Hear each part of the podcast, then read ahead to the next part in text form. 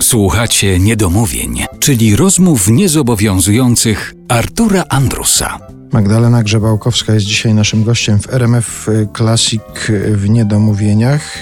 Zaczęła nam się już ta rozmowa na temat warsztatu, na temat tego, jak się takie rzeczy pisze, po której i po czyjej stronie stoi autor takiej biografii czy reportażu biograficznego.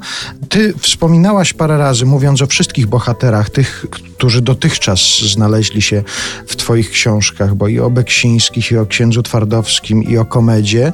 Wspominałaś o tym, że to nie były postacie, którymi Ty się jakoś szczególnie interesowałaś wcześniej. Czy taki brak zbyt dużego emocjonalnego stosunku do postaci jest właśnie wskazany przy pisaniu? Nie ma jednej drogi do pisania. Są ludzie, którzy piszą biografie, które wynikają z ich ogromnej pasji wobec względem bohatera i to są świetne biografie, a są tacy, którzy jak ja raczej dostają tematy z wydawnictwa niż wynika to z mojej pasji, zainteresowaniem.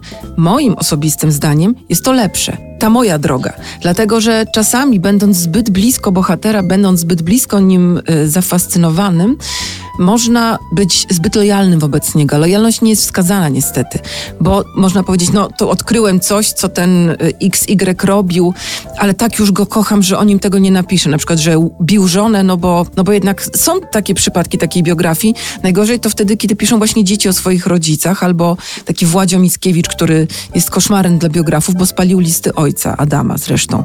I mnóstwo jest takich, prawda, przykładów ukrywania pewnych rzeczy. Więc, yy, więc ja uważam, że dobrze może mieć dystans. A poza tym, jeżeli ja już zawodowo zaczęłam pisać książki różne, ale także biograficzne, to trudno, żeby wszystko wynikało z mojej pasji. Ale z tymi tematami to jest tak, że to trochę jest jak z zakochaniem.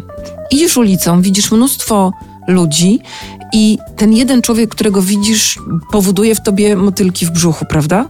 A w kimś innym nie. Tak samo z tematem. Wydawnictwa podają różne tematy, my sobie rozmawiamy, wymieniamy się, to długo czasami trwa i nagle pada temat, który powoduje u mnie taką gęsią skórkę i taki stan zakochania. Czuję, że to jest to, chociaż tak naprawdę o nich nie wiem. Nie wiem do tego stopnia na przykład, że jak dostałam temat beksińscy, znaczy zapytałem w wydawnictwie po wielu, wielu tematach, które odrzucałam, bo to nie były złe tematy, tylko mnie nie interesowały. Ktoś inny je zrobił i wyszły świetne książki.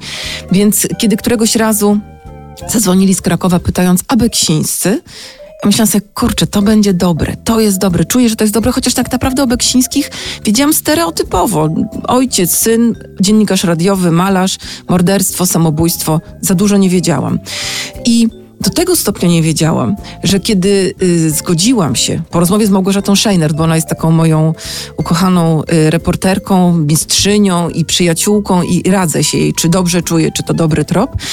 Dopiero wtedy, uwaga, wstydliwa rzecz, zajrzałam do Wikipedii i sprawdziłam, no Beksińscy, no żeby taki pierwszy rzut informacji mieć. Sanok? Oni byli z Sanoka? Gdzie jest Sanok? Ja jestem z Sopotu, ja mam bliżej do Sztokholmu niż do Sanoka. A ja dokładnie wiem, gdzie jest Sanok. Ja wiem, ja, ja wiem. Powiedzieć. Bo tam w każdym sklepie w Sanoku i w każdej kawiarni lecą utwory Artura Andrusa. Naprawdę, I, naprawdę jesteś w kraju tam. I wiszą obrazy Beksińskiego. tak, naprawdę. To jest miasto Andrusa i Beksińskiego. I faktycznie Okazało się, że dojeżdżanie do Sanoka, żeby zbierać tam materiał, jest niemożliwe, ponieważ to jeszcze był czas, jak budowano Pendolino i pociąg do samej Warszawy dojeżdżał z Sopotu 7 godzin. Więc w ogóle jedzie się do Sanoka, zmieniając konie cztery razy po drodze. Więc zapakowałam rodzinę do samochodu i pojechaliśmy na miesiąc do Sanoka. I to było cudowne, bo ja pokochałam Sanok. Znaczy mieszkaliśmy w Beresce, bo to, to jest tak kawałek za Sanokiem, ale byliśmy samochodem, więc ja dojeżdżałam do Bereski, więc no w ogóle mieszkaliśmy w Bieszczadach, czyli a może rzucić wszystko i pojechać w Bieszczady nam się sprawdziło. No i w Sanoku poznałam cudownych ludzi, bardzo fajne miasto i, i, no i zebrałam tam sobie materiał.